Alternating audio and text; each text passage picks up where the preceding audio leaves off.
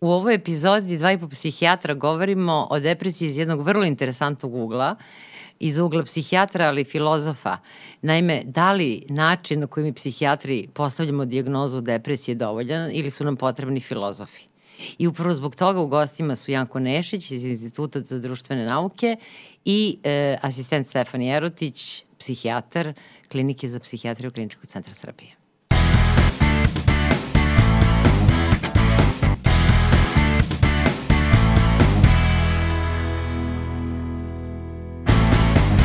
Kada smo krenuli sa emitovanjem dva i po psihijatra, ono što nam je, da kažem, bila negde ideja svakako je da obradimo različite teme iz domena psihijatrije i tada smo nekako apostrofirali da je lepota psihijatrije upravo u tome što ona omogućava čoveku da se bavi od e, molekularne biologije, od različitih, da kažem, procesa, onako bioloških koji se dešavaju unutar ćelije genetike, pa sve do umetnosti, književnosti i filozofije. I s obzirom na to da je nama današnja tema filozofija i psihijatrija, filozofija psihijatrija ili psihijatrija u filozofiji. Ovaj, ono što me interesuje to je kako ste se vas dvojica, kako ste se Stefane i ovaj, ti i Janko upoznali?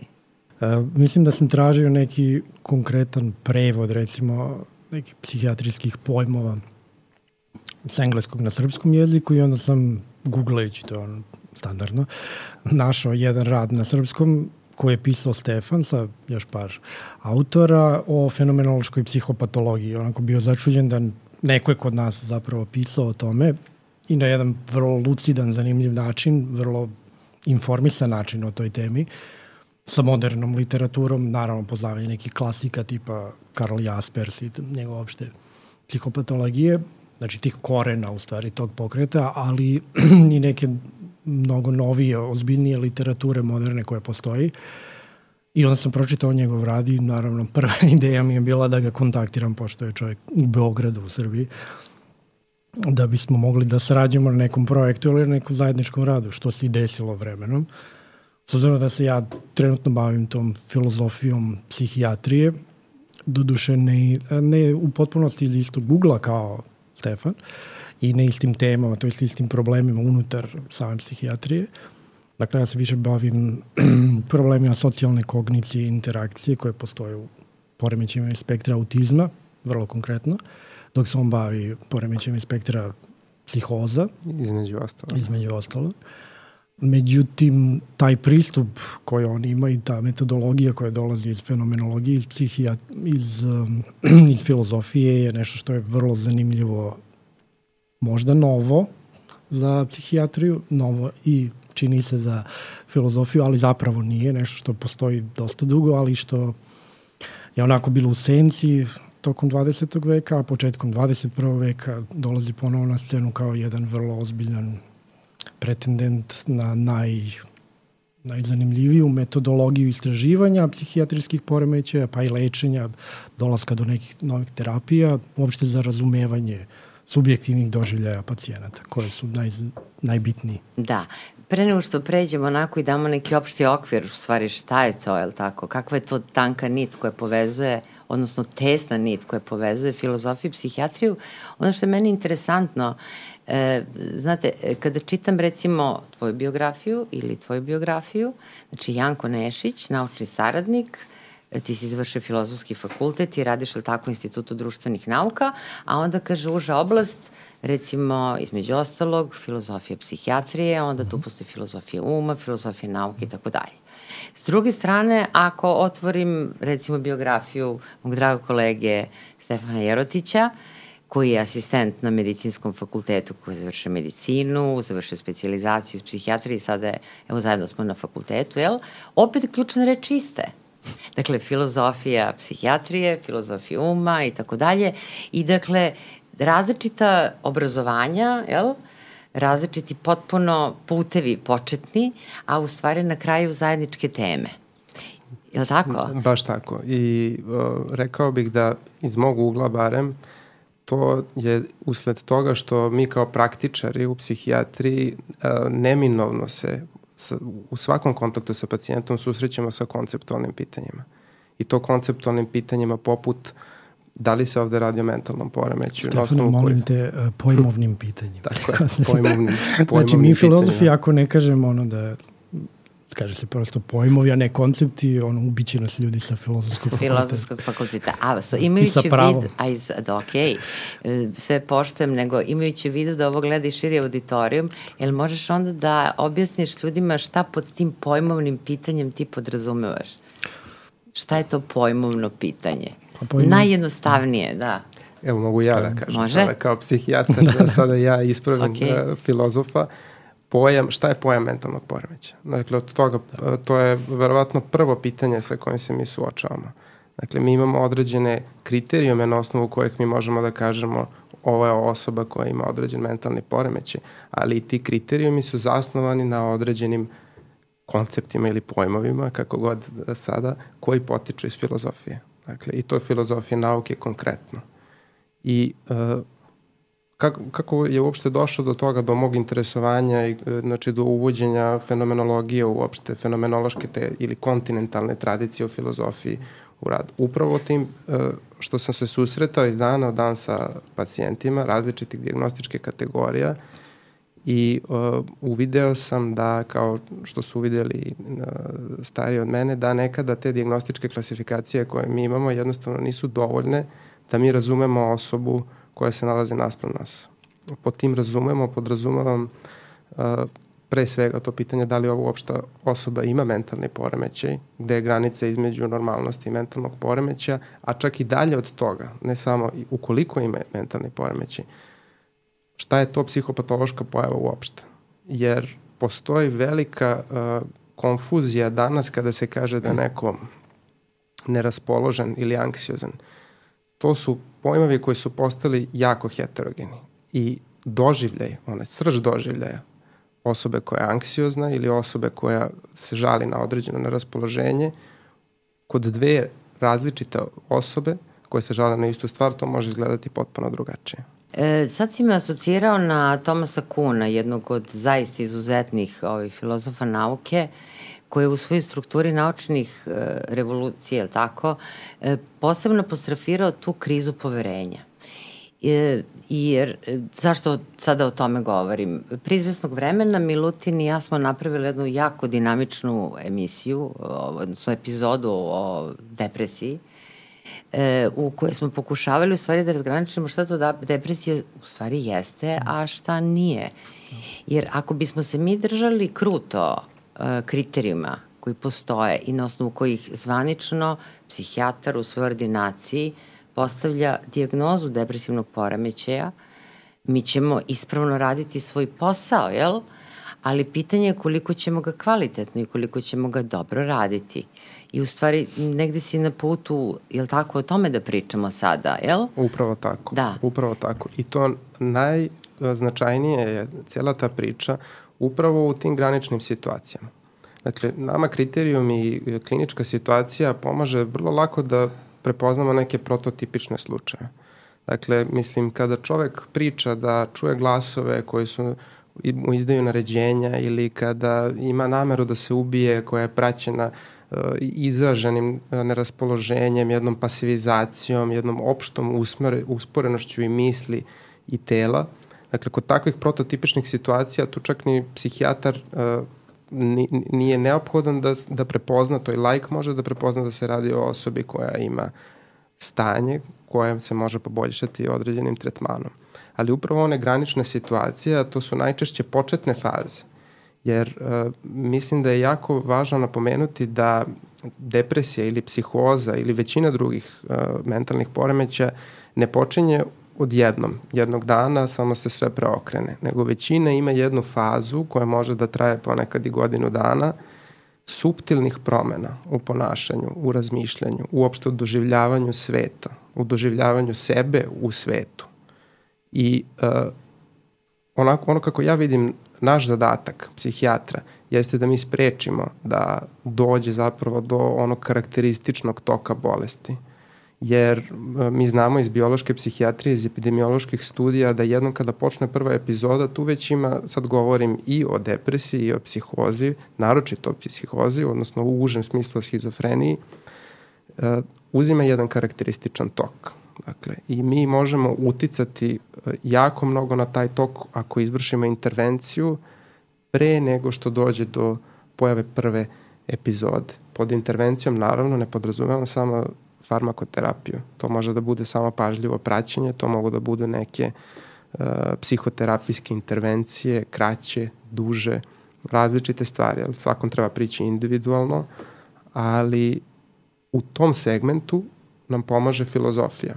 Onda kada uh, ne znamo, nismo sigurni da li, da li student, na primjer, na fakultetu kod jednom počinje da se brine za svoje zdravlje preterano koji počinje da pomišlja da možda ima određenu neku bolest, neku određenu ili neodređenu telesnu bolest.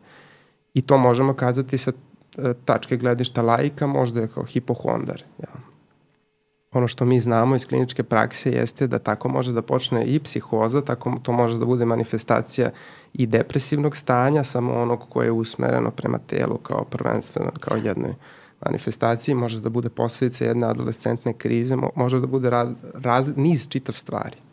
Jasno. Samo Janko da ti otkrijem jednu tajnu. Mi svi kod studiramo medicinu prolazimo kroz tu fazu hipohondrije studenta mm. medicine, to da znaš. Da. Tako da ja uvek svojim studentima kažem, ovi, nemojte da se brinete, poenta je da imaju zapravo što više simptoma.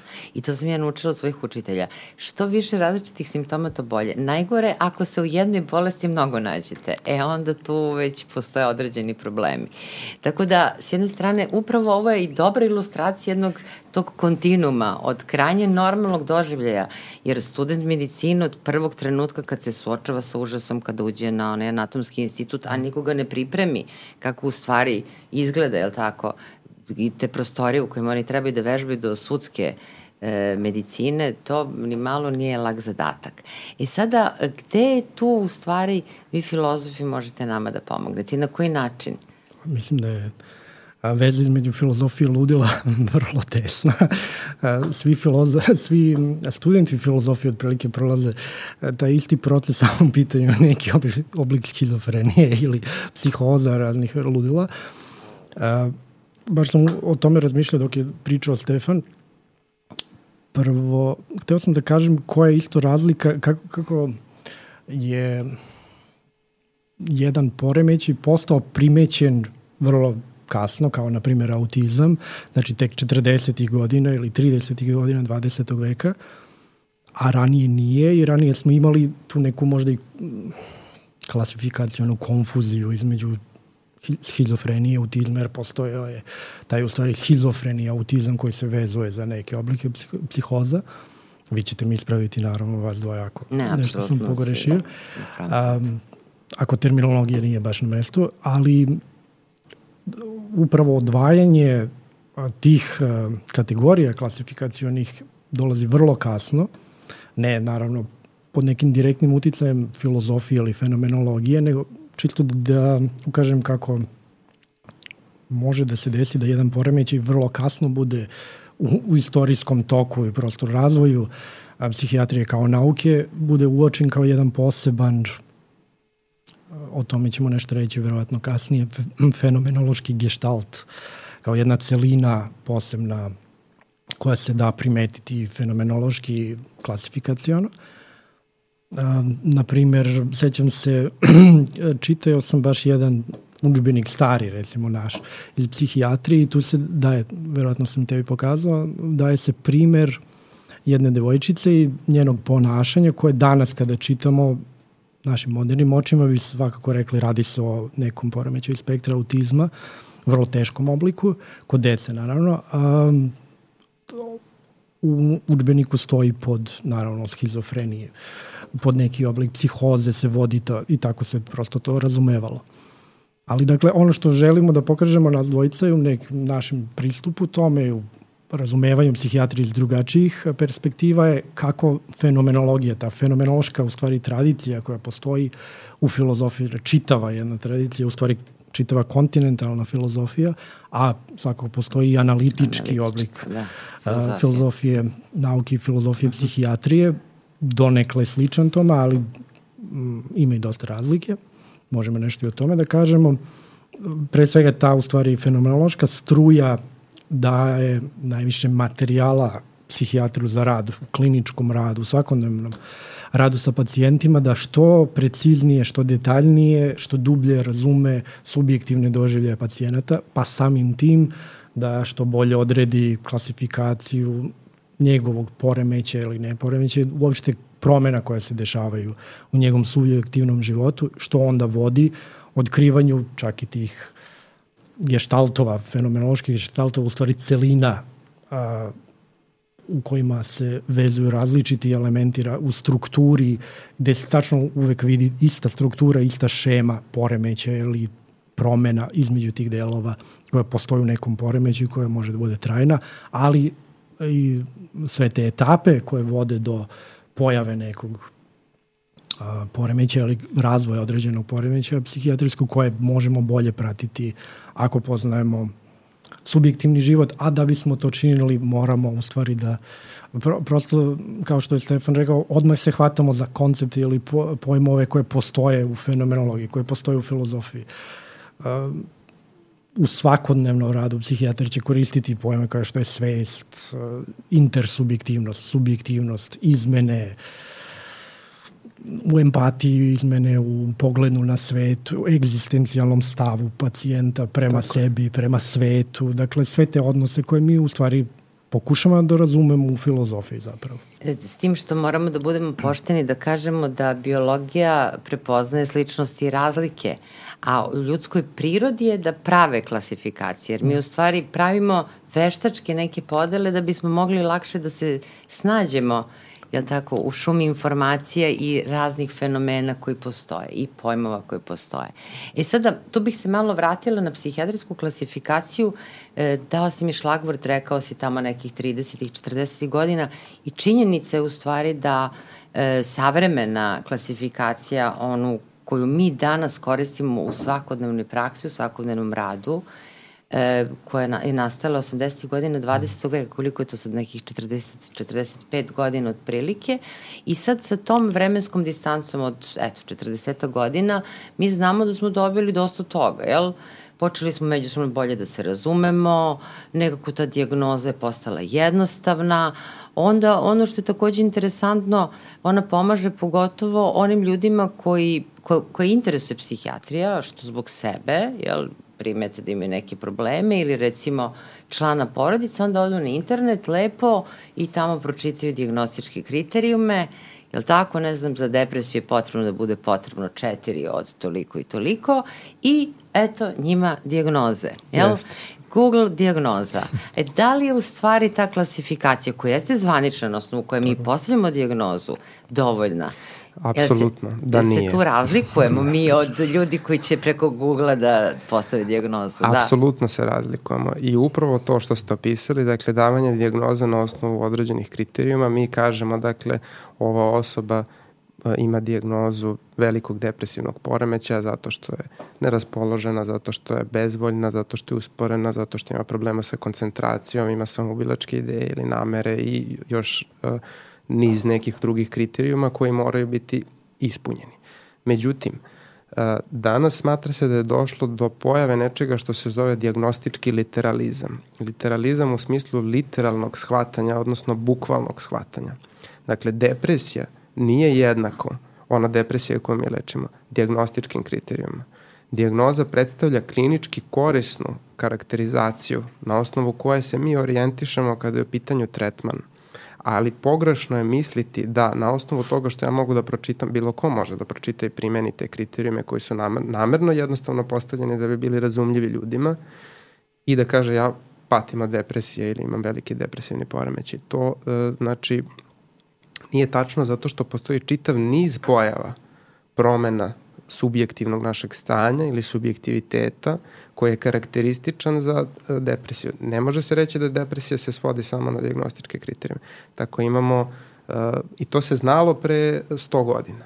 Upravo pre 100 godina je ta veza između psihijatrije i filozofije bila posebno jaka.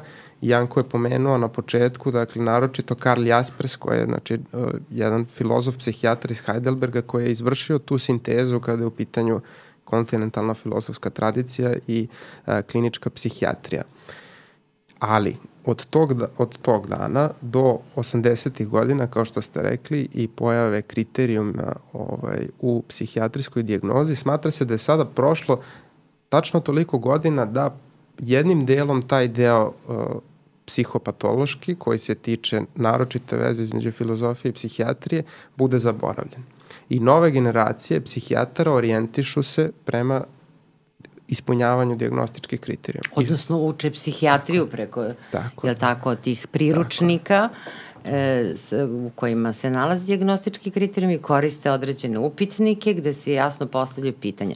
Ali ono što mi je jako važno da naglasimo e, ovaj, u ovoj, u ovoj epizodi jeste da se to ne odnosi samo na depresiju, Tako nego je. da se to odnosi kompletno na celu psihijatriju, jel? Absolutno. Znači, nije depresija izuzetak, nego je to da... To je opšti problem. To je opšti prosto, problem psihijatrijskih svih mogućih klasifikacija i diagnoza. Kažem, diagnoze su veštačka tvorevina, one su nama potrebne, jer ljudima su potrebne klasifikacije. Jel tako? Kao što su nam potrebni nazivi ulica, brojevi, kuća, jel, to su prosto nama neki orijentiri u životu. Tako da i diagnostički kriteriju su markeri stanja jedne osobe. I mi u stvari tek kada, da kažem, negde postavimo jel, te diagnostičke kriterijume, a i tu treba da budemo vešti, mogu, možemo da nađemo na zamke, idemo korak dalje. Kad kažem zamke, tu bih se zadržala, evo baš na primjeru depresije, jer nekako depresija je vrlo čest, da kažem, i fenomen koji se često javlja kod ljudi, da li u vidu depresivnosti kao prolaznog stanja ili zaista kao jednog duševnog stanja duševnog poremećaja.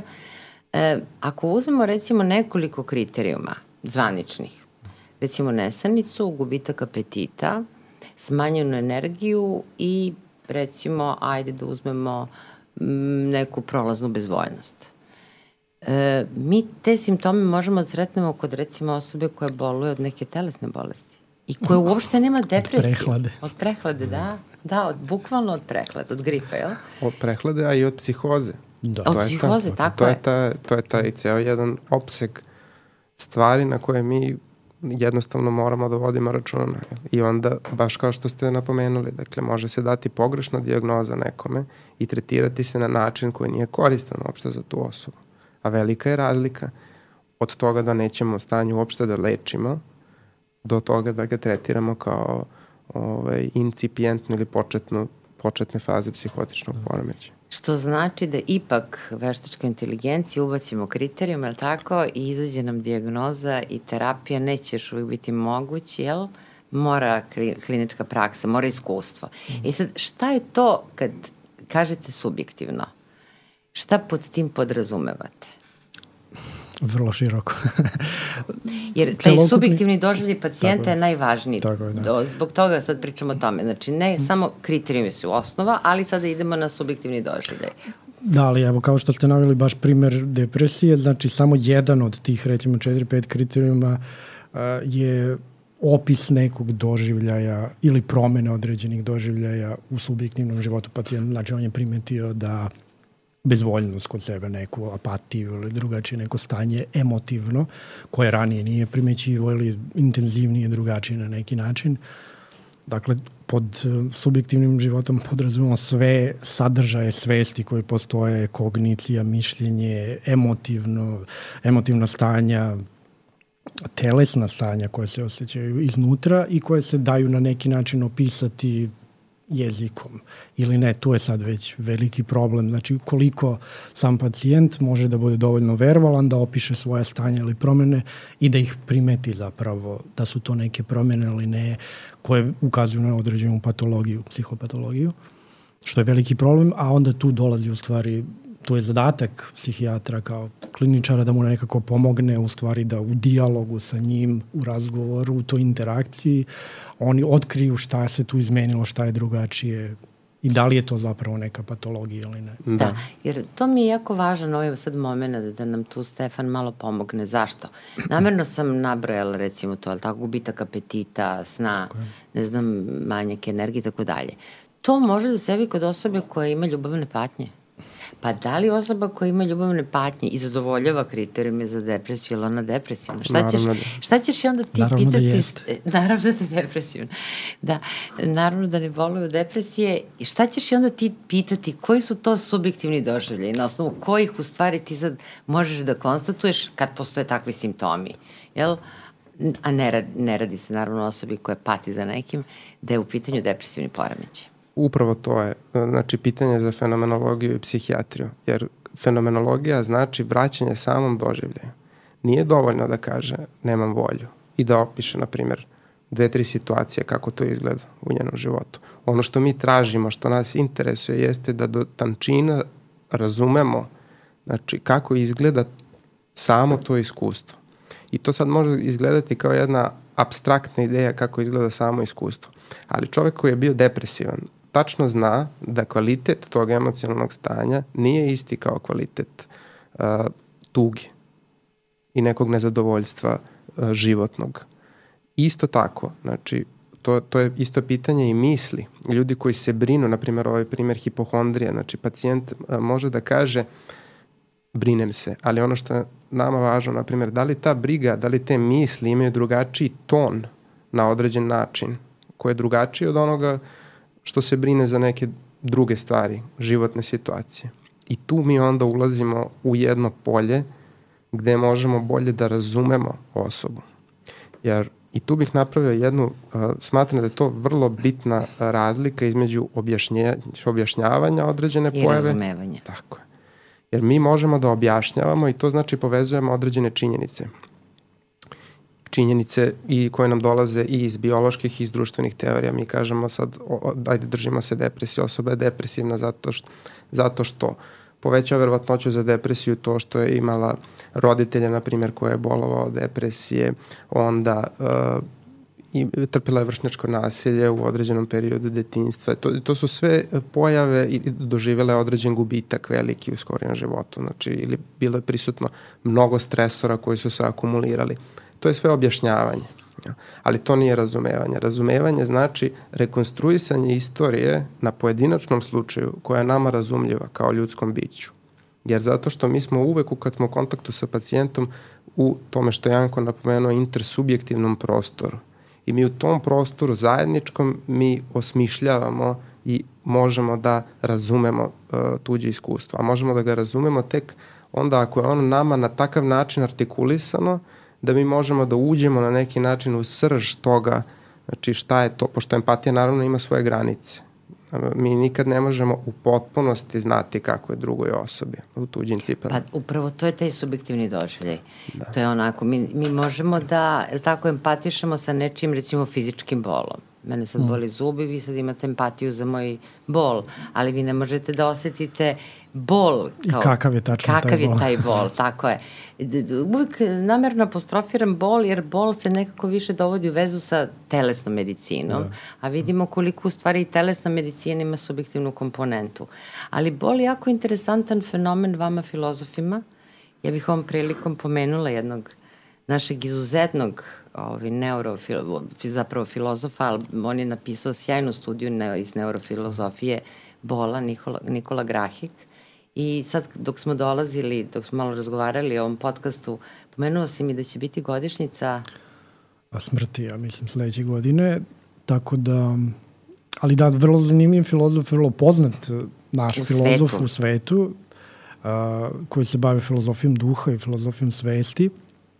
Tako da, autor koji je zapravo vrlo citiran u radovima i naučnim filozofskim radovima čak i danas. Ja sam čitao radove gde ga citiraju, što je vrlo zanimljivo videti neko naše ime i redkost. Ali da, ja sam hteo u stvari da se nadovežem pre, ako, pre nego što pričamo o tome, na ovo što je govorio Stefano, šta, šta, šta, šta nam je tu potrebno kod sub, razumevanja subjektivnog života. Dakle, nije f- da, nekako da se odbranimo malo, da damo neki legitimitet kao fenomenološkom metodu u psihijatriji, nije, nije svako samo prepričavanje nekih doživljaja ono što mi tražimo, to je što Yes. psihijatri traže, mm. da bi razumeli e, patologiju pacijenta. Dakle, fenomenologija nam daje opet jedan taj vrlo striktan, vrlo ozbiljan okvir u, okviru ko, u kome možemo da posmatramo promene koje postoje u invariantnim, u stalnim strukturama svesti. Dakle, fenomenologija kao jedna nauka o sadržajima svesti nam daje um, tačno definisane kako, ko, koje postoje strukture u ljudskoj svesti kod svakog pojedinca koji ima svest kod svakog živog bića koje ima neki oblik svesti. I onda ono što psihijatrija traži zapravo neke promene u tim strukturama. A i sami ti poremećaj, kao što su psihoza ili depresija, imaju neke svoje strukture koje su nepromenljive na osnovu kojih prepoznaju u stvari psihijatrija. To su ti fenomenološki geštaltovi, fenomenološke celine u kojima mi vidimo šta jedno sa drugim zajedno ide, dakle ne samo uh, osjećaj brigi, apatija, ne znam šta već e, od kriterijuma. Tako se zapravo dobijaju ti pravi neki dubinski, fenomenološki, subjektivni kriterijumi određene psihopatologije koje promene u raspoloženju, u načinu mišljenja, zaključivanja, dolaze zajedno u psihoziju, depresiju i tako dalje i to je ono što može da posmatra ili da, da otkrije jedan psihijatar da bi video te precizne razlike između određenih poremeća. Verovatno će govoriti detaljnije o tome Da, Stefan, Janko, koja je razlika tu? Da, Janko, ali evo možemo i nekako ovde da se nadovežemo. Mm. Nek nam depresija bude primer, ona je nekako je najjednostavnije, najsvatljivije ljudima. E, koji su to, da kažem, koje su to centralne komponente koje još možemo da pratimo? Činjenice pomenuo si raspoloženje. E sad, e, daleko više su se bavili fenomenologijom raspoloženja, autori tamo negde pre nekih 30-40 godina, Pajkel je, ne znam, pre koliko godina radio i opisao fantastično fenomenologiju depresije, odnosno raspoloženja u depresiji. I koji je tu spektar različitih emocija koji postoji u stvari kod osobe koju, koja jeste, koja boluje od depresivnog poremećaja i koja, koliko ona šira u stvari od onoga što mi imamo u kriterijima. Upravo je li tako? Upravo Šta tako. je sve ono što nama u stvari depresivni pacijent govori? Da li, da li u kriterijima postoji bes, da li postoji anksioznost, da li postoji ljutnja, da li postoji očaj? Ne postoje uopšte ti simptomi, a to je često nešto što nama pacijenti navode. Onda ovo Janko što si pomenuo, to su te neke centralne komponente kojima se vi bavite, recimo eh, odnos prema vremenu. Tako Kakav je odnos prema vremenu depresivnog? dosta izmenjen. Da, o tome nešto govorio Stefan nedavno na predavanju koje je imao kod nas na institutu. Upravo to su te kao centralne strukture koja fenom, bar moderna fenomenologija koja vodi poreklo od Husserla i njegovih, njegovih teorija, ali koja dodaje određene nove ideje ili nove centralne strukture koje mi hoćemo da proučavamo i kako se one menjaju kod određenih pacijenata. Tu spada to, taj u stvari doživljaj, osjećaj vremena, iznutra doživljaj prostora, iznutra prostornost, a, promene u sobstvu, sad jedan vrlo specifičan filozofski pojam koji ćemo pokušati da objasnimo. Dakle, taj Ali, ajmo, osjećaj ajmo, za sebe. konkretno kod depresivnog. U sobstvu, recimo. Da, Sobstvo je, znači, jedan vrlo uh, pojam koji nije jednostavno ovaj, objasniti. To je kao pojam istovremena ili psihoze, svi znamo šta je, ali nekako vrlo teško je Toliko dati... fundamentalan da je teško objasniti. Teško ga je definisati i zapravo sa nekim od tih pojmova mi se obje, odnosimo kao da su to objekti koje su jasno ograničeni od drugih pojava. To nije tako, znači to je komplikovanije. Sopstvo podrazumeva, to je jedan uh, pojam koji cirkuliše između doživljaja subjektivnosti i doživljaja individualnosti. Subjektivnost znači ja sam osoba koja govori, koja misli, ja, o, ovo je moj postupak, moje telo, moj izgled, moje sećanje, moje nadanje, moja želja i slično. I to je doživljaj, znači ja ne moram da pomislim na to, da, ja, da sam ja trenutno onaj koji izgovara ili da je ovo moja miso ili moja rečenica koja je izgovorena, to je jednostavno uvek je prisutno. To je iza nekog mog nivoa svesti, sem kada ga eksplicitno ne napravim objektom svesti. A individualnost znači da ja sam osoba koja ima određena iskustva i ja kao takav sam unikat, ne postoji druga osoba. I to je jedan fundamentalna struktura koja predstavlja centar našeg doživljavanja. Znači, koja je prisutan pre nego što mi uopšte moramo da pomislimo na to. Ali iz te strukture, iz našeg doživljavanja, dolazi do pojave jednog novog sloja koji mi nazivamo narativno sobstvo ili narativni self u uh, angloameričkoj literaturi. I to je odgovor na pitanje ko sam ja.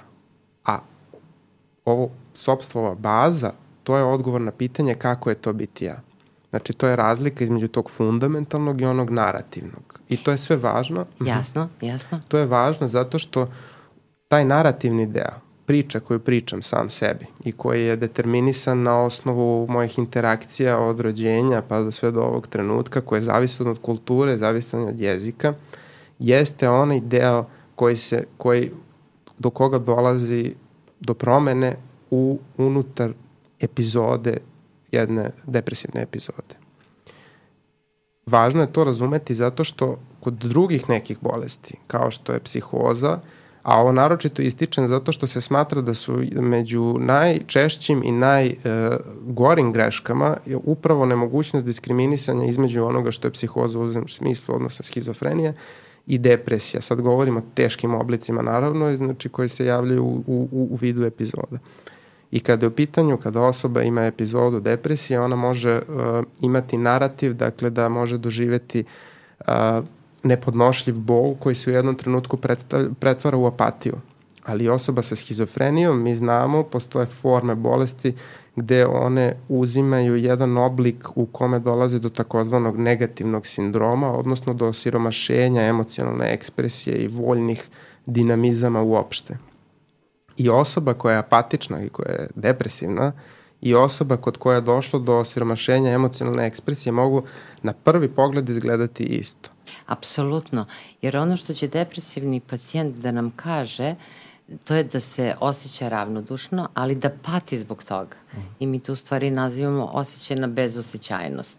Za razliku od osobe koja je bolila od schizofrenije, ukoliko naravno govorimo o terminima smanjenja, tako, emocionalnog tog bazičnog tona, kod nje u stvari je ta ravnodušnost ravnodušnost. Ona ne pati zbog ravnodušnosti, nema patnju, nema tu komponentu. Baš, baš tako. I to je upravo zbog te razlike između narativa koje ja imam i u okviru koga, zato što taj narativ je vrlo često vezan za naše interakcije sa drugim ljudima, jer zasnovan je na tome. A ova struktura samog doživljavanja, ta fundamentalna, ona nije vezana za bilo kakvu kulturološku ili neku komponentu naše interakcije sa drugim ljudima, I onda kada dođe do gubljenja te granice između toga da li je moja misao ili misao koja deluje kao da, da dolazi sa strane, ima nekakav drugačiji karakter, to vodi do čitavog niza događaja koji pojednostavljeno rečeno mogu ostaviti osobu na neki način u tom svetu, odnosno u tom jednom krugu gde on pokušava da osmisli to svoje iskustvo koje je toliko izmenjeno da je vrlo teško uh, artikulisati uopšte šta se dešava, onda kada kada ja ne, ne doživljavam moj pokret kao moj pokret, ja onda mogu da imam i određeno objašnjenje, to mora da je, da mene neko kontroliše ili da je neko ugradio nešto u mene tokom spavanja, kao na primjer neki čip, to su česte objašnjenja znači, koje ljudi daju. I zbog toga što je iskustvo na tako fundamentalnom nivou uh, uh, problematično, jednostavno smatra se da ti ljudi mogu imati uh, smanjenje jednog, uh, jedne tendencije da uopšte učestvuju u okolini. Ali to, to tako smanjenje učešće u okolini može da bude prisutno i kod depresije, ali ne zbog toga što imaju problema sa osnovnim bazama svojih struktura, već zato što u okviru njihovog narativa se dešava nešto što ih jednostavno goni ka tome da izbegavaju društvene interakcije, da se povlače. A ne samo u domenu, da kažem, emotivnog doživljaja, već nešto što je nekada i mladim lekarima na specializaciji iz psihijatrije teško da razumeju, e, a to je fenomen depersonalizacije, uh mhm. -huh. odnosno jednog subjektivnog doživlja promene sebe, bilo psihološki ili telesno, I sećam se kao mlad lekar da kada sam onako ambiciozno pisala u svojim psihijatri, u izveštajima, jel da pacijent koji boluje depresiji ima depresivnu depersonalizaciju, onda su mi starije kolege rekli, nemoj Olivera, molim te, znaš, ipak se taj doživljaj vezuje za psihozu, odnosno za schizofreniju, pa će ako taj izveštaj ode tamo negde, ljudi pogrešno protumačiti. A u stvari koliko je ta depersonalizacija, taj doživljaj izmenjen doživljaj sebe, toliko čest prisutan, da kažem, može da se javi kao prolazno stanje, ili tako? U napadu panike. napadu panike u raznim mm. psihopado, u da. različitim diagnozama, ali može da se javi i u, i u okviru, da kažem, normalnog životnog iskustva. Svako ne. Sve, je tako, kad smo umorni, odputujemo negde, prosto možemo da imate neki osjećaj nestvarnosti ili nismo spavali tri da. noći i srpljeni smo, prosto, kako se osjećamo, neko kažemo depersonalizovano, jel? Znači, prosto fenomen koji postoji u različitim stanjima, ali koliko u stvari tu taj fenomenološki pristup naglašava važnost konteksta takođe, da, jel? Tako je. Da, Izuzetno da. važan. Pa upravo kao što ste pomenuli, dakle, mogu da se jave te promene, ali bitno je da razumeo na koji način se one javljaju i u čemu. Dakle, on je već naveo, postoji sobstvo, postoji kao, najjednostavnije to reći, taj neki osjećaj samog sebe, doživljaj samog sebe, znači neka vrsta samosvesti ali postoje različite vrste samosvesti, bar po filozofima ili različitim filozofima na različite načine. Načine, da. On je pomenuo taj prereflektivni način premišljenja na, na neki način, prerefleksije o nečemu. Kao što ste vi rekli, recimo za depresiju, znači postoji um, otklon od svoje neraspoloženosti ili apatije koje a on postaje tek onda reflektovan, misli se o njemu, dok je u psihozi drugačije. A postoji taj narativni self, narativno samo, narativna samosvest kada govorimo o sebi, ja sad govorim o sebi na neki način, pričam svoju priču, kao što postoji kod nekih filozofa. Znači stvara se ta naracija kao u jednom romanu, zapravo priča se o nekom liku, stvaran on ili ne, na, na isti način to otprilike ontološki radi. Dakle, bitno je razumeti u koji od tih struktura, na kom nivou se menji, vrše te promene, dolazi do neke promene, da li se radi onda o psihozi, ako se radi možda o tom centralnom jezgru selfa, sobstva, koje se potpuno menja, pa ćemo onda reći da se govori o psihozi, da li se radi o promeni e, telesne samosvesti, dakle, kako mi doživljamo svoje telo, e, u anoreksiji, na primer, da li se radi o nekoj intersubjektivnoj samosvesti kako mi smatramo da nas drugi vide, na primjer, naše telo, opet ta neka svest o našem telu ili slika našeg tela koje mi imamo, sve su to mm. različite I mislim da je vrlo važno napomenuti da ovo o čemu se govori nije samo od značaja da bi mi prepoznavali, da bi mi diskriminisali da li je jedna stvar ili druga stvar, već to ima jednu komponentu, dakle kada čovek uspe koji ima problema, određenih problema, da artikuliše to na jedan način gde on gde ga druga osoba razume, a ta druga osoba je stručnjak, jel, koja se time bavi, to je jedna vrsta intervencije. Zato što mi, naročito kada se radi o tim doživljajima koji su duboko uznemirujući, zato što osoba može imati e, doživlje da se to samo njemu dešava i to smatra se da može dovesti do jedne vrste straha koja je među najvećim intenzitetom i do anksioznosti. Takve to mi vidimo naročito u početnim fazama nekih bolesti gde bude takva anksioznost da su ljudi jednostavno onemogućeni maltene da govore. I pomoći im da na adekvatan način artikulišu to svoje iskustvo i onda kada oni vide da se znake raspoznavanja, da druga osoba razume zaista, barem koliko je to moguće, da takvo iskustvo je nešto što postoji u čitavom opsegu ljudskih doživljaja uopšte. To mislim da vraća osobu u prostor ovaj zajednički u kome svi živimo i da to ima jednu uh, komponentu uh, isceliteljsku. Sam doživljaj, dakle, da nas neko, prvo da nas neko razume, a drugo da to nije nešto što se dešava samo meni, a nikom se nikad nije dešavalo, nešto duboko uznemirujuće, već nešto što se dešavalo drugim ljudima. Uh, Dakle, onda ima i nade da se to... Apsolutno. Ovo je mnogo važan moment, jer nekako e, osoba koja pati i koja zaista ima problem, kao da je iščupana iz svog matriksa i kao da u stvari ovakvom vrstom razgovora sa profesionalcem nekako se vraća u taj svoj matriks, u svoj svet, jel? Prosto opet pripada, jel? Osjeća, ima da. osjećaj pripadnosti koji je jako važan. I zbog toga nam je važno uh, da nekako e, da radimo ono što su nas u stvari učili naši učitelji, a to je da dobro slušamo i da pokušamo da razumemo i mi u psihijatriji imamo nešto što se zove psihijatrijska anamneza, način na koji u stvari mi vodimo razgovor.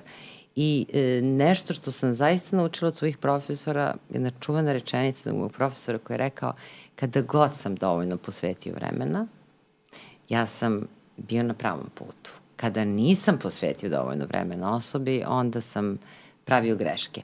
I to je suština priče. Znači, posvetiti vremena. Sad mi živimo u jako brzom vremenu i sve tako dinamično i, i broj pacijenata u ambulanti nekada je jako veliki. Koliko je u stvari tu e, moguće primeniti ovakav jedan metod? Jeste, to je, uh, mislim, problem 21. veka i uopšte uh, traži se zdravstveni fondovi, ne govorim samo kod nas, nego svuda. Globalno, naravno. Da se, da se rade uh, intervencije koje su brze, da se diagnostikuje izuzetno brzo, da to bude što veći broj, što veća pokrivenost, što i takođe ima jedan humani cilj, da se pomogne što više ljudi za što manje vreme. Međutim, uh, kao što, mislim, mi stalno ističemo, psihijatrija je drugačija od drugih oblasti medicine. I dakle, taj isceliteljski kontakt o kome govorimo, dakle, nije, ne znači samo napisati lek. Naravno, treba i napisati lek u raznim situacijama, jer čovek je... Tamo gde treba, da, naravno. Čovek je biološko biće, isto kao što je i psihološko, ali uh, ovaj, jednostavno to je dovelo do te uh, jedne dominacije dijagnoza i tog principa razmišljanja i da mi to što brže obavimo. E sad, tu takođe imamo još jedan problem. Naravno, nisu svi uh, ljudi verbalni, niti su introspektivni, niti su vešti u artikulaciji svojih iskustva. Mi dolazimo sa jednim okvirom, s jednim teorijom, sa prethodnim iskustvom kako su se ljudi ponašali i znači onda nama je lakše da pokušamo da e, razumemo nego što je nekad i pacijentu da artikuliše svoje iskustvo. Dakle, to je, to je još jedan dodatan problem na ovaj princip gde mora da se u roku od 15-20 e, minuta neko i diagnostikuje, da se izvrši intervencija, da se napiše terapija ili ovaj, jednostavno mislim da ne postoje drugi način, već da mi s jedne strane uh, stalno objašnjavamo i pojašnjavamo kako način, naš posao ne može se kvantifikovati na isti način kao što može jedan kardiolog ili neko ko prisloni sondu samo i izmeri veličinu ciste ili nešto slično tome, bez ikakve, uh, znači, ne smatram da je psihijatrija treba da bude u određenom povlašćenom položaju, ali trebaju da se te, te e, potrebno da te razlike koje postoje u našem poslu u odnosu na ostatak medicine e, se vrednuju i da nam se otvori e, više prostora da budemo sa pacijentom. A čak i taj pacijent kome je teško da izrazi svoje iskustva, opet tu postoje određene metode u kojima mi, mi potrebno je da naučimo pacijenta da on bude sam svoj fenomenolog za sebe da on, on ne mora naravno čitati fenomenološku naravno, filozofiju, naravno. Ne, to, nije, to nam nije cilj, ali da postane vešti u izražavanju tog iskustva, jer to je način na koji ćemo, ovaj, da se, e, to svako može. U krajnjoj liniji svako ima svoju životnu filozofiju, je li tako? Jeste. Svaki čovek. Ali ovo si me sad nekako e, naveo na jedno pitanje ovaj, za tebe, Janko, a tiče se autizma. Mhm. -huh. Upravo na koji način primeniti fenomenološki metod recimo kod osoba koje boluju od autizma? Da, to, to je odlično pitanje. A, svakako, autizam se diagnostikuje u najranijim do, dakle, dve, tri godine, tri godine prve da. života i to su svakako neverbalna deca, dakle vi ne, ne možete pitati pacijenta kako se osjeća, da li je ima, da li je to neka promena, u stvari čak autizam ne možemo razumeti na taj način psihijatrijskim poremećajem da postoji promena odnosno na neko prethodno stanje koje je bilo kao normalno i sada je drugačije, dakle upravo potreban je taj, opet to postoji u, u fenomenologiji, u filozofiji kao taj pristup iz drugog lica, znači perspektiva drugog lica koje se uzima, to je jedno posmatranje koje nije kao naučno posmatranje, znači iz trećeg lica, nije ravnodušno hladno posmatranje nekog objekta istraživanja kao u astronomiji, ne znam, biologiji, već u, na neki način učestvovanjem u interakciji sa pacijentom, sa osobom, opet posmatranje njegovog ponašanja, mi možemo da, da razumemo njegov unutrašnji život kroz interakciju. Jer kako se drugačije u stvari to i znaju već psihijatri, to nije nešto sad potpuno novo, neka nova paradigma. Sami e, deči psihijatri znaju otprilike ili ka, oni koji poznaju mm, tu simptomatologiju a, autizma da se to prepozna kroz ponašanje, ali ne ponašanje koje možemo da posmatramo onako sa strane, u neku ruku da, recimo tretiranja objekata, predmeta i sredine, ali u samoj interakciji zapravo u tome je srž a, problema koje postoje ili poremeće spektra autizma, to je manjak te normalne empatične interakcije koja postoji ili a, responsivnosti, na primjer, između pacijenta i, i psihijatra, dakle, dakle, ne postoji neki odgovor ili odgovor koji će se javiti u određenom vremenskom roku, normalnom, standardnom za neku komunikaciju koja postoji, pa na sve to i neverbalnost. Uh, lakše je svakako raditi sa odraslim pacijentima koji možda smatraju to opet dolazimo u vrlo teške antipsihijatrijske i filozofske teme, a to je uh, da li uopšte autizam poremeća i psihijatrijski, da li ljudi sami mogu sebe diagnostifikovati recimo u 40 godina ili kasnije da zapravo imaju autizam ili smatraju da oni imaju neki oblik autizma ili ADHD-a, na primjer, neki, to se odnosi na te poremeće, na koji način e, njihov taj poremećaj se može odvojiti od njihove ličnosti ili ne, da li on u potpunosti ih čini time što oni jesu kao ličnost ili postoji neka odvojenost, jer u psihozama ili u depresiji osoba ima određenu strukturu ličnosti do jednog trenutka i onda se ona menja i ona sama vidi da na neki način doživljava neke vrlo drastične i katastrofalne promene po nju dok je ovde to jedno stanje koje traje od rođenja, dakle ne, nemoguće uočiti neke promene iznutra, to su neki limiti, da kažemo, tog subjektivnog istraživanja fenomenološkog. Međutim, fenomenologija i ovi pristupi ko, kojima se ja recimo bavim, enaktivizma, moderne kognitivne nauke, razumeju upravo to, dakle da moramo posmatrati ne samo subjektivne doživlje koje postoje, koje nam neko verbalno može dati od pacijenata, nego interakcija, intersubjektivnost, empatija koja dolazi od psihijatra koji to vidi od spolja, stalno interakcija, znači samo razumevanje autizma, pa i terapijsko neko lečenje ili prilagođavanje takvim pacijentima podrazumeva jednu zajednicu. Zajednicu terapeuta, psihijatara, ljudi koji rade sa tom decom ili sa tim ljudima koji žive zapravo sa njima na jedan drugačiji način. Da, pomenuli... Što je više, dakle, od samo fenomenologije. Mi da ne da ispadne sada mi smo potpunosti e, zastupnici samo fenomenologije ništa više tačka gotovo e, smrt neurobiologiji ili e, nekim tim pristupima Nikad. svakako ne naprotiv pa postoji naprotiv, neurofenomenologija tako, tako. Je, tako je mi smo za te integrativne pristupe tako znači ono sve što je dobro i što nam pomaže da razumemo taj poremećaj iznutra njegovu biološku i neurološku osnovu, to u potpunosti ostaje validno i to treba razumeti i proučiti, ali treba dakle dodati tu fenomenološku, subjektivnu ili interaktivnu, intersubjektivnu zapravo perspektivu na to. Da, pomenuli ste, ovaj, da kažem, perspektivu drugog lica, jer nešto što se, kada se proučava svest.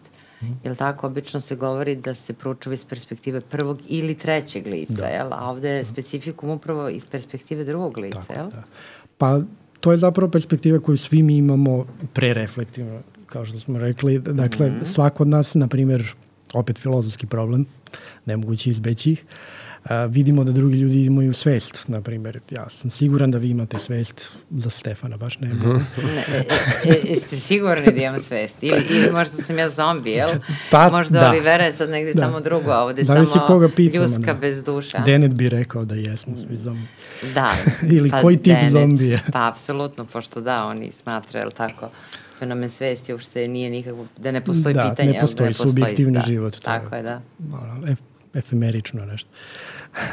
Tako da ta perspektiva je zapravo vrlo normalna perspektiva, nije opet staviti u neki centar istraživanja nešto novo i interesantno možda za nauku ili za psihijatriju, ali za obične ljude je to svakako nešto najnormalno. Jer kako mi vidimo i promene kod članova porodice, ne znam, najbližih prijatelja, pa mi vidimo da su oni drugačiji na neki način. Svakako vidimo da već imaju svest ili da imaju neka, neke emocije, neka način razmišljanja, ali da se on menja u nekom smislu. Ali opet eh, ono čime se ovde bavimo je neki rigorozni način primene te perspektive drugog lica i empatije. Dakle, u tome nam opet pomaže filozofija da razumemo šta je uopšte empatija jer vrlo lako se ta reč kolokvijalno koristi. Da, to samo, pošto ste vas dvojice poprilično mlađi od mene, morate znati da u vreme kad sam ja upisala psihijatriju, termin empatije je bila isključivo rezervisana i to sam baš u podcastu mm. više puta naglasila. Rezervisana za psihologe, psihijatre, filozofe. Da. Nije, da kažem, bila toliko prisutna u laičkom govoru. Da. Mene malo plaši, znate, ovoliko korišćenje termina empatije, jer imam utisak da se nekako devalvira i da je, ima sve manje među ljudima što se više koristi, jel? I sada nekako ovde smo e, često govorili o fenomenu svesti.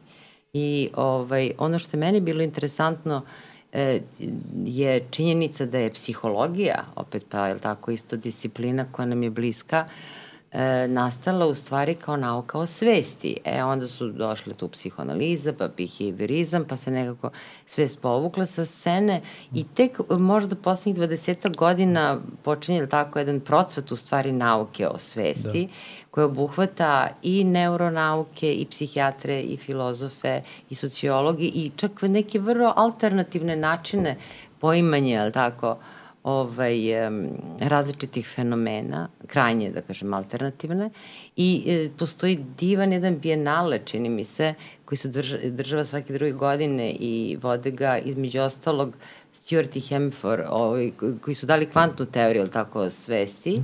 I znam da je tu i David Chalmers, između ostalog, on je jedan od organizatora, uvek je zvezda tih pa sad bijenala. Je, sad je da. bilo ono u Njujorku, ona, um, kladili su se Chalmers i Kristof Koch, Koch da? pre 25 da. godina, da li će odgovoriti na problem svesti, da li će kao otkriti koje su neuralna osnova svesti ili ne, pobedili su filozofi kao uvek, da. su predvideli da neće, nećemo dati taj da. odgovor. Da. A, Nauka bar nije za sada dala. Da, da Kristof Koch inače, ovaj, pred, pretpostavljam da ljudi ne znaju, tako, e, praktično Watson i Crick, tako, su svojevremeno otkrili DNK. A onda su posle toga, je tako, ovaj, Koch i e, ovaj, kako se zove, Watson, e, pardon, Krik, krik je malo krik, promena, da, da. ja imam inače problem sa imenima, Ove, oni su dali svoju, e, da kažem, teoriju, ali neurobiologije samo e, svesnog doživlja vizuelnog iskustva, nekompletnog.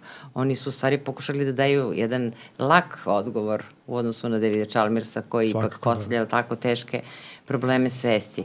Da, interesantno, inače, pre neki dan sam videla ovaj, i uh, razgovor između Andy Clarka, i njegovog, da kažem, koncepta proširene kognicije. Pretpostavljam da je to nešto čime se vi bavite, jel? Tako je, da. Pa, mm, svi donekle, ti, jel? Donekle, da. Svi, su ti koncepti međusobno povezani, yes, da, da. Da, ali to su jed, neki od najzanimljivijih, u stvari, modernih filozofskih uh -huh. um, pojmova koji se tiču svesti generalno, percepcije, kad je u pitanju on. Um, uopšte proširena sve, šta, šta je, proširena, je to proširena svest? kognicija? Pa to su smislili, to su smislili Chalmers i Clark u onom Clark, radu, da.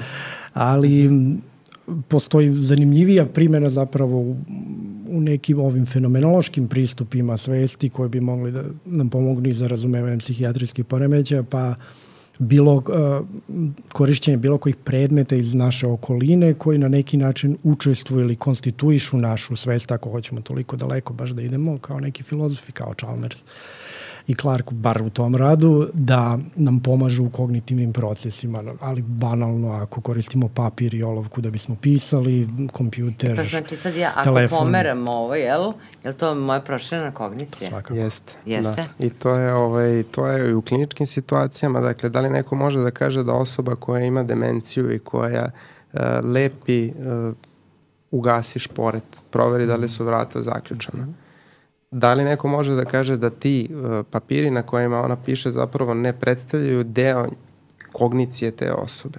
Znači ona na neki način svoje prisustvo, svoje postojanje i širi između ostalog i na, na predmete zatim mobilni telefon sa time. Mislim da svako može da se u današnje doba poistoveti. Apsolutno, to je sjajno. Širi svoj narativni self, tako, narativno svoje da, sobstvo u stvari da. Na te predmete i tako zadržava svoje pamćenje na njima zapravo. Boga mi neko uh, od nas, da ne kažem ko poprilično, da. sve više i više. Uh, ovaj, jedna izuzetna naučnica, do duše u domenu veštačke inteligencije, Betty Mess, e, koja radi na MIT-u, ona je dala sjajnu analogiju i rekla mi smo ranije imali dve hemisfere, levu i desnu, a sada je jedna hemisfera mozak, a druga je pametni telefon. Mm. I pametni telefon e, predstavlja u stvari deo, tako, proširene kognicije. Da, Apsolutno. Da. Ali, nema ali dileme. tehnologije... Ne znam da su ljudi svesni toga da pa koliko je veštačka inteligencija u njihovom životu, jel? Jesu da. prereflektivno. Možda ne misle o tome, ali da. svakako jesu. Da. Ali ta tehnologija toliko napreduje da telefoni su najmanji deo toga, zapravo čitava sredina u kojoj živimo, pametne, pametni uređaj, ne samo telefoni, bilo koji uređaj u domaćinstvu i kuće će biti u budućnosti pametne i to je nešto recimo čime se trenutno bavim.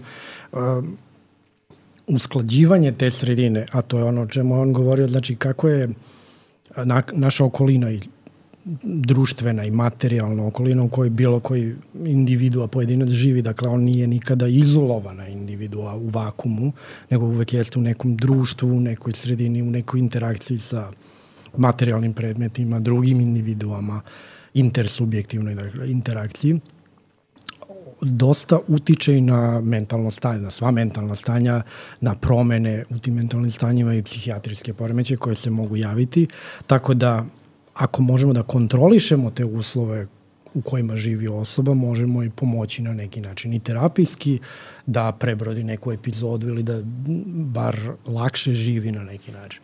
Tako da Ekološka intervencija. Ekološka intervencija, da, u okolini. To je još mm. jedan od tih pristupa koje mi poručavamo. Dakle, enaktivizam, ekološka, utelovljenost ljudska, mm. to su sve filozofski pojmovi koji nam mogu pomoći u razumijevanju mo, ovih poremeća. Možete malo samo da nam pojasnite, vi ste doktorirali, čini mi se, ili tako, da, na da. tome?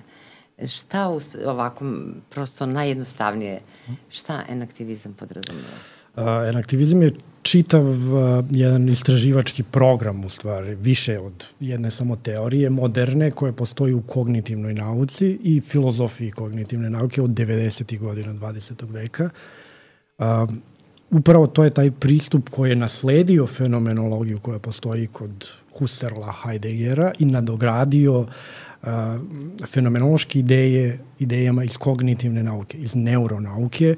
Neuronauka dakle, detaljnijeg istraživanja, razumevanja kako radi mozak, kako radi ljudsko telo, ali e, se razlikuju u tome što pokušava da razume, dakle, upravo ljudsku svest kao deo tela, ne samo svest kao nešto internalno, nešto unutrašnje što postoji samo u mozgu, nego što postoji u čitavom telu, znači povezanost mozga sa čitavim telom, to je ta utelovljenost, da uh, ljudska svest uvek ima određeno telo, ali ne samo u nekom tom dualističkom razdvojenom smislu postoji duša i onda postoji telo i to je nešto što se može odvojiti, nego uvek svest ima jedan vrlo konkretan biološki oblik individualni, a plus na to ima jednu dinamičku spregu sa svojom okolinom koja, kao što sam rekao, može da bude i društvena, dakle drugi, drugi individue biološke, druge svesti, E, materijalni objekti, sve to zajedno čini jednu celinu u kojoj stalno postoji neka dinamika interakcija između tih delova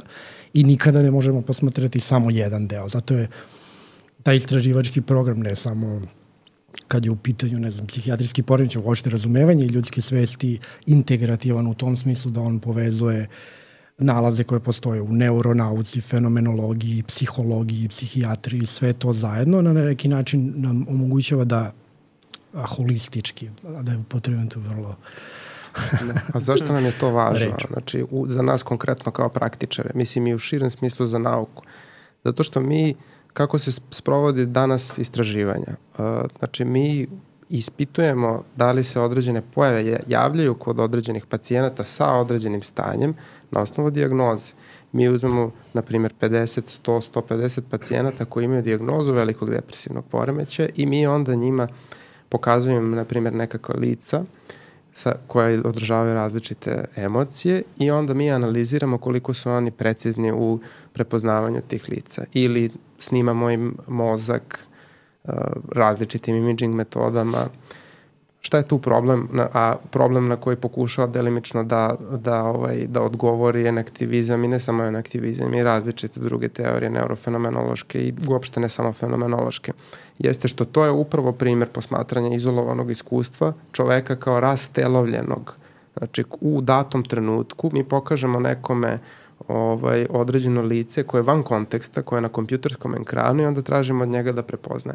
I onda mi vidimo tu određene pravilnosti i mi onda kažemo kod osobe koja je depresivna, na primjer smanjeno je prepoznavanje u akutnoj fazi, više prepoznaju tužna lica nego što prepoznaju uh, srećna lica. Uh, problem sa tim je, prvo, da li se uopšte radi, kao što ste i vi napomenuli, znači osoba može da ima različite uh, kriterijume diagnostičke depresije, poznato da mogu da budu tri osobe koje nema ni jedan jedini simptom zajednički. Preko hiljade kombinacija ovih kriterijuma, da? Ne samo to. Ne, uh -huh. znači, mo, nama je ta grupa heterogena vjerojatno u samom jako. početku. Uh -huh. Nego i sledeći korak, a to je mi nju posmatramo u izolovanoj situaciji. U datom trenutku, a mi postojimo kao jedan kontinuitet svesti kroz vreme. I mi ako izolujemo tu uh, osobu u tom trenutku i pokazujemo joj neku situaciju van konteksta, da nismo prethodno koliko god je to moguće artikulisali tačno o kakvim doživljajima se radi, u kom trenutku se oni osjećaju, da li u toj samoj situaciji testiranja takva osoba će doživljava jednu ili drugu ili treću stvar, onda ti nalazi, svi koje mi dobijemo su upitni. Naravno ne svi, znači to su istraživanja koje mi radimo u okviru biološke psihijatrije i ja lično duboko verujem u eksperimentalni metod koji nam potiče iz prirodnih nauka. Dakle, kontrolisati maksimalno sve uslove i samo ono, najčešće to u psihijatriji bolestni i zdrav, gledati šta se, šta je kod njih slično i šta se razlikuje. Uh, filozofija i ti koncepti koje e, pokušavamo da na neki način približimo ljudima nam samo pružaju još jedne e, dodatne nivoe e, kompleksnosti koje nam mogu pomoći da na još precizniji način definišemo šta je ono uopšte o čemu govorimo i šta je u stvari promenjeno kod osobe koja pati u odnosu na osobu koja pati u psihijatrijskom smislu od osobe koja Ne. Naravno, ne možemo da poništimo rezultate dosadašnjih istraživanja, ali imajući u vidu da živimo u vremenu promene paradigme, e, to bi bilo kao da recimo, jel tako, pojavio se Einstein, a mi smo i dalje na Newtonu. Znači, ipak moramo da prihvatamo novine, jel? Apsolutno, apsolutno. Prema tome, evo, meni je prva asocijacija, recimo, uh, zamišljam osobu koja prema kriterijima, je tako, bolo od depresivnog poremećaja i sad stavimo je u skener da bi videli da snimak mozga, je tako, kako radi, je tako, tamo, jel, mm. postoje određeni načini kako merimo, recimo, sad ubrzava se metabolizam šećera u nekim delovima mozga, tako što posmatra tužan izraz lica. Ali mi zaboravljamo da ta, taj izraz lica, to lice, potpuno različito može da asocira nekog depresivnog na nekog koga poznaje ili da mu bude potpuno neutralno, a u slučaju da ga asocira na nekog da ima neko još dodatno averzivno ili tako, odnosno neprijatno ili tako iskustvo ili da mu je drag. Mm. Prema tome, to je taj subjektivni moment koji mi ne možemo u stvari da ispitamo ovim kvantitativnim da. ipak tehnikama. Upravo tako. I to je veliki problem i naravno, znači to su tako jedna istraživanja koja postoje, ali su vrlo redka, je gotovo nemoguće izvesti do, do samog kraja. Ali čak i kad nam je nemoguće izvesti, mislim da e, filozofija jednostavno postavlja pred nas niz pitanja koje, kao što je Janko rekao, eto 25 godina najčuveniji filozofi i neuronaučnici pa ne mogu da se, uh, ne može da se odgovori jednostavno neka pitanja. Čak i ako ne može da se odgovori na njih. Znači, ključno je da mi postavljamo i dalje ta pitanja i da se orijentišemo prema problemima kao da ta pitanja postoje. Umesto što se ponašamo prema uh, nalazima raznim, znači ne samo naučnim, mislim i nekim iskazima od strane autoriteta kao prema apsolutnim istinama. Da, s tim što nekako odnos filozofije, psihijatrije, on je i tekako, tako, našao svoje mesto upravo u fenomenologiji, ali to nije jedino mesto, naprotiv. Da. Malo smo se dotakli teme svesti, mm. teme odnose između tela i uma, mm I, ovaj, I sada kada ste govorili, e, podsjetili ste me na jednog duše neurologa, ali to je upravo ono o čemu smo više puta u podcastu govorili, o toj potrebi za renesansnim, jel tako, leonardovskim tipom pristupa izučavanju danas fenomena. Mi moramo da znamo, da kažem, iz različitih oblasti različite stvari, da bi mogli uopšte da shvatimo određene pojmove. Pa mi je na pameti u stvari Antonija Damasio, tako čovek koji je neurolog i koji je na osnovu u stvari ispitivanja traume mozga, mm -hmm. povreda, došao do određenih spoznaja, pre svega u domenu emocija, pa onda svesti, jel? I on je, između ostalog, upravo naglasio koliko su da kažem, e, te čulne senzacije iz tela, je tako, važne u doživljaju našeg subjektivnog svesnog doživljaja, jel? I zašto o tome sad govorim? Davno, bila sam klinka i došla sam do neke knjige koja je bila pisana možda 60. 70. godina i može zvučiti bizarno, ali zaista ovaj, u toj knjizi je opisano kako su u stvari uradili prvu transplantaciju glave psu. I sad se postavilo pitanje, jel, da li je transplantirana glava na telo ili telo na glavu. Ja ne znam da li ste možda čuli da je pre par godina urađena jedna slična intervencija kod čoveka. Ne znam ishod, znam da je trajala nekoliko dana, da su se čitave, da kažem, ekipe hirurga smenjivale u tom jako složenom poduhvatu, ali postavlja se zaista pitanje prvo šta se transplantira, jel? Jel, glava telo ili telo glavi mm. i mislim da u stvari nema odgovora na to pitanje jer e, nismo dovoljno svesni koliko u stvari naše telo utiče na našu psihu i nekako upravo je Damasio napisao tu knjigu Dekartova greška koliko u stvari ta Dekartova podela na telo i dušu u stvari nama nanela štetu svih ovih vekova bavljanja medicinom i koliko u medicini u stvari negde e, pogotovo za lekare koji se ne bave dušom je telo primarno, jel? Da. E, I jedno, jednostavno kad ne mogu da objasne stvari, oni kažu, to je na nervnoj bazi. Onda idete kod psihijatra. A u stvari lečići, jer dešava mi se do duše i obrnuto kod psihijatara, kad im kažem lečite telo mm -hmm. ili kad date poruku recimo o očuvanju mentalnog zdravlja, preko tela, jel? Da. Spavajte uredno, jedite zdravo, da. mislim po tim podrazumam, jel? Da se jede sve, ali umereno i, jel tako, uglavnom ono što je, da kažem, u domenu našeg nekog podneblja. E, dakle, e, pravite se fizičkom aktivnošću, ljudi vas gledaju i kažu, pa to su potpuno banalni saveti, ne shvatajući koliko je telo zaista važno za nešto što mi nazivamo dušom, jel? Kako god. Baš tako, u ovim pojmovima o kojima mi govorimo, upravo je to uh, znači nesumnjivo je da svest bez mozga ne može da postoji, ali to ne znači da je svest situirana u samom mozgu. Mozak je znači nešto što je neophodno, ali mozak se uvek nalazi u telu. Znači ne može da postoji bez tela. I sad to je vrlo interesantan primer, znači sa transplantacijom glave, jel? ali ovaj... Ili, na primjer, koliko minimalno uh, treba imati moždane mase za pojavu svesti kod čoveka ili kod nekog da. živog bića, što je vrlo diskutabilno pitanje. Ja, to je jako važno pitanje, jer u našim učbenicima do skoro je stajalo da se svest najavlja kod životinja. A 2012. godine je konačno donešena da tako deklaracija da. o životinskoj svesti.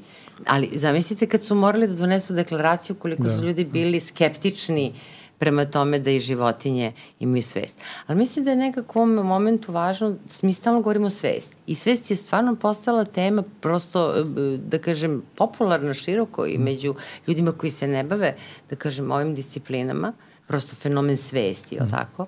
Ovaj, nekako, kako definisati svest? E, meni se lično sviđa ovaj, rečenica Serlova, najjednostavnije, doživljaj doživljaj, je li tako? Upravo pre, to što kažem, subjektivni, subjektivni doživljaj. Fenomenologija. Fenomenologija. Ono što vi filozofi zovete kvalijom, je li tako? Tako, Chalmers bar da. Da, da, makar To je naj, da. najbitniji deo svesti, u stvari koji hoćemo da zadržimo ili koji hoćemo da kažemo, postoji svest, postoji u stvari kvalitet svesti, postoji doživljaj neki subjektivni. Ali to sam hteo da napomenem, dobro ste to primenili, u stvari Uh, to je ta plodna sprega ili interakcija koja postoji između psihijatrije ili psihologije i sličnih nauka, neuronauka i filozofije. Zapravo do drugačijeg razumevanja, odnosa između duha i tela, duše i tela mentalnog i fizičkog, upravo se došlo u filozofiji posmatranjem rezultata koje postoji u neuronaukama, u biologiji, um, uopšte u proučavanju moždanih procesa i onda se uvidelo kako, na koji način postoji interakcija između mentalnog i fizičkog, to je neurofiziološkog prvo, pa onda i ostali ti slojevi koji tu učestvuju. Dakle, da bi se bolje razumelo možda taj odnos između duha i tela ili da on ne postoji kao neki odnos, nego identitet ili nije, od Dekarta na ovamo potpuno drugačije, upravo je nauka pomogla. Dok s druge strane, evo sad vidimo da filozofija uh, svojim pojmovnim aparatom, možda drugačijim, svojim novim pojmovima, novim idejama i konceptima može da pomogne nazad nauci da bude preciznija, da bude jasnija i da bolje prepozna neke poremeće, na primjer psihijatrija. Dakle, uvek mora da postoji ta interakcija između tih disciplina. Nije, nije, da, nije se sada pojavila filozofija sa svim odgovorima, niti će ikada, i reći psihijatri, evo vam ove ideje, vi ih sad koristite u svoj kliničkoj praksi. Ne, nego uvek postoji ta interakcija između disciplina koje će pomoći i nama da razumemo bolje ljudsku svest, ljudski život, smisao života i šta se dešava u nekim promenama svesti, dok obrnuto mi možemo pomoći. Ovo što je, na primjer, pričao Stefan o tom Uh, preciznijem raspoznavanju distinkcije između psihoze i depresija, mislim da je to upravo distinktivno filozofski doprinos psihijatrije. Znači, upravo to razumeve da postoji prereflektivno sobstvo ili samosvest, to je nešto što je doprinala filozofija psihijatrije vrlo moderno, vrlo, mislim, to su vrlo moderni dodaci psihi, psihijatriji tek u 21. veku u stvari, ili u krajem 20. veka i da, da psihijatri koriste te instrumente, na primjer, za uh, merenja promena u doživljaju sebe i kako se oni razlikuju između različitih psihijatrijskih kategorija. To je nešto što nije postojalo ranije, Absolut. a postoji zahvaljujući filozofiji, postoji zahvaljujući u stvari fenomenologiji koja je na neki način igrala značajniju ulogu početkom 20. veka zbog Jaspersa, koji je bio psihijatar i fenomenolog Heideggera. I tako dalje, tih uticaja, ali je pod uticajem biološkog modela i drugačijih pristupa, neuroredukcionističkih, u stvari koji su svodili na tu neku biološku osnovu neuralnu, razumevanje poremeća nekako palo u senku pa se sada vraća, ali ne opet da bi postojao samo taj pristup, nego kao deo integrativnog pristupa ljudskoj svesti. Da, a sad baš apropo tog odnosa između tela i uma, jel? nekako opet se vraćamo na depresiju. Jer e, pre vremena e, Stefan je održao kod vas jedno predavanje i ja sam odgledala na YouTube-u to predavanje i ono što mi, da kažem, privuklo pažnju, to je upravo kod depresivnog poremeća si pomenuo tu psihomotornu usporenost. A onda sam se setila ovaj, jednog, da kažem, neuronaučnika, dakle, potpuno nema veze sa ovom temom o kojoj sad pričamo sa Polskog, koji je dao jednu e, fantastičan opis depresivne osobe kad kaže e, kako e, u stvari depresivna osoba deluje s polja mirno, to je ta psihomotorna usporenost, a iznutra telesno bukti bukti u mm. smislu zapaljenskih procesa, e, hormona stresa, svega onoga što se u telu depresivne osobe nalazi. I tek u stvari u poslednjih decenija mi obraćamo pažnju da kažem više u nekom naučnom domenu.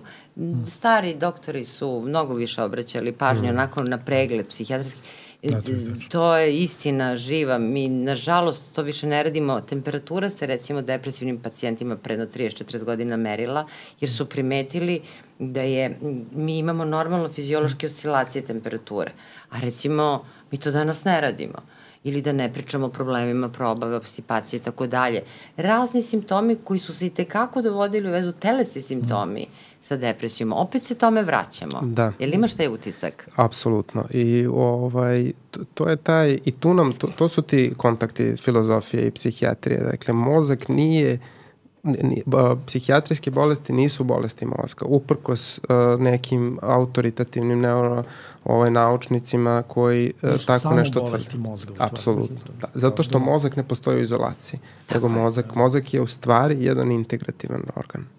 I mi kada dajemo, bi, kada biološke intervencije vršimo, čuveni antidepresivi, SSRIzeri, odnosno koji povećavaju nivo, u stvari, ne mehanizam i dalje nije tačno poznat, ali dela na, na uh, serotonine, serotonin i na neurotransmitiju serotonina, dakle, uh, činjenica je da serotonina ima više u nervnim spletovima koje se nalazi u digestivnom traktu nego što ima u mozgu. 80% serotonina u digestivnom traktu.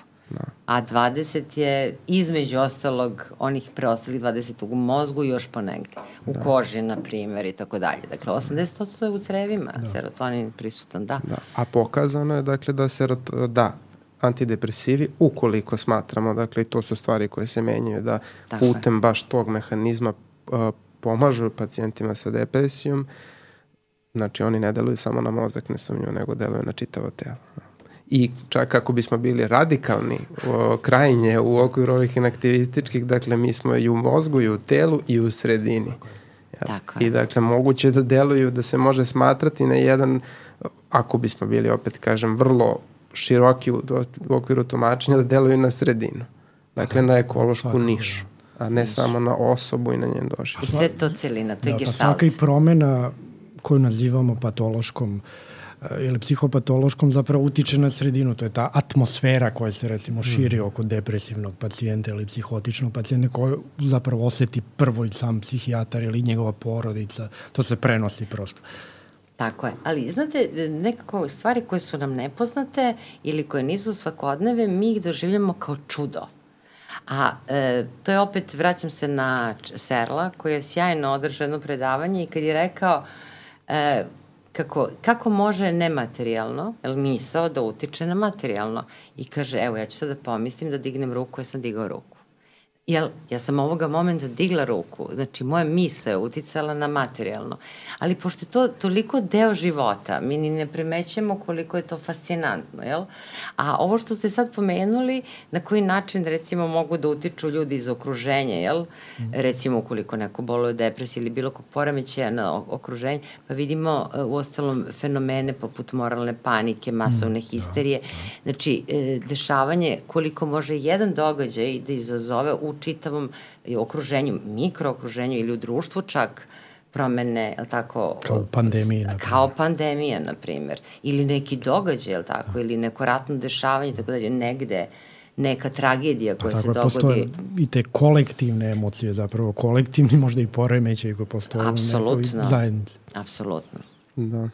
I mislim da isto je važno napomenuti, mi se tako smo se orijentisali u celom toku razgovora, ali da samo što ako postoji promena u strukturi sobstva, na primjer, koja je u, ili bilo kog drugog, ili u doživlje vremena, što samo ako, ako ukoliko postoji u odnosu na uh, ono što smatramo da kažem nekim normativom, to ne znači da nju treba tretirati i e, naročito čak i kod tako nekih na izgledu znemirujućih doživljaja. E, I mi znamo znači da postoje značajne veze između modernizma uopšte kao jednog pravca u umetnosti i upravo tih nekih subtilnih promena u okviru doživljaja samog našeg baze, strukture naših doživljaja kao što je sobstvo. Neko ko čita, na primjer, Uh, ja često to pomenjam o Kafkinom životu, on ne može da zaključi, on može sa sigurnošću da zaključi da je on imao poremeće sobstva, onda Pessoa, to je isto da. primer, uh, portugalski uh, književnik, pesnik pre svega, ali čija knjiga Nespokoja, koja je izvanredna knjiga, gotovo se isključivo sastoji iz opisa vrlo istančanih poremećaja, poremećaja sobstva uh, i Picassove slike takođe. Kao odjednom da vidimo iz različitih perspektiva koje nisu međusobno, ne mogu da se, ne, nikad ne možemo videti lice na takav način kao što možemo videti kod njega na slici. Tu isto je, radi se o nekom subtilnom, uh, u ekspresiji jednog subtilnog poremeća, ne poremeća, već rekao bih pre promene. Da. Promene, Drugačijeg da. da. doživlja. Da, a sada kada si pomenuo modernu, odnosno i postmodernu, čak i multifrenija, da kažem, postala fenomen koji je zdrav, jel? Koji je, koji je podrazumevajući da mi da. igramo različite uloge da. u različitim kontekstima, jel? Mm, pa, znaš tako. Mislim, to je sad već ulazimo u jedan a, teži problem, a to je te re, relativizacije uopšte šta je poremeće, šta je disfunkcija, da li zaista postoje psihijatrijski poremeće ili su samo to drugačija stanja normalnosti koje možda i nisu toliko drugačije, znači čitav taj antipsihijatrijski pokret na koji se kao neki odgovor javlja ta analitička filozofija duha, filozofija psihijatrije, ali i kontinentalna koja pokušava da nađe, zato mi bar mislim da delimo to neko mišljenje, da treba naći neku zdravu meru između potpunog, potpune relativizacije šta je normalnost, šta je psihijatrijski poremećaj i ovih um, stri, vrlo striktnih oblika medikalizacije a, psihijatrijskih poremećaja lečenja na taj neki reduktivistički način. Dakle, da razumemo da postoje drugačiji doživljaj, drugačiji načini posmatranja sveta, drugačije, drugačije svesti kod drugih ljudi i mogu radikalno da budu drugačije, da probamo da razumemo njihovu prirodu, na koji način su one drugačije od većine ljudskih svesti i doživljaja i zašto i kako se javljaju, da li ih treba tretirati, lečiti na neki način, da li samo biološki, medicinski, medikamentima ili psihoterapijski, do koje mere opet, to je Stefan dobro primetio, dakle, moramo da imamo jedan, pa i radikalno individualan pristup, zavisno od svakog pacijenta se radi koja je to promena, do koje mere i kako to tretirati na koji način. Od osobe do osobe. Da. Ali e, nekoliko puta ste pomenuli antipsihijatrijski pokret i on definitivno ima sve plime i sve oseke mm. i tako dalje, ali kao što svakog čoveka moramo da stavljamo u kontekst, moramo da stavljamo Dobre. i tu vrstu promišljanja u stvari da. u duh uh, vremena u kojem se, se mi javlja, da, nalazimo da, i kada se javlja. Sigurno da je izvorište pre 70. godina bilo potpuno drugačije nego recimo danas, 2020. 20. 30. godina 21. veka. E, jer u stvari imamo utisak da definitivno dolazi do promene paradigme, da smo mi nekako u okviru ovih neuronauka e, i hemije, mislim kad kažem hemije mislim na uh, sintezu novih molekula, novih lekova, ne samo u psihijatriji, nego u medicini, dostigli plato, vrh. Da, da. I nema dalje i moramo nešto da menjamo. Tako da uh, nekako ta vrsta promišljanja, koja možda ima čak i jednu pežativnu konotaciju, znate kad kažete antipsihijatrijski, kao da je to sada nešto protiv mm. psihijatrije, a u stvari to je jedna, da kažem, dobronamerna kritika da. nekih stvari u psihijatriji. Mislim da će u stvari biti samo jedna protiv teža ka nekim boljim i novim ishodima.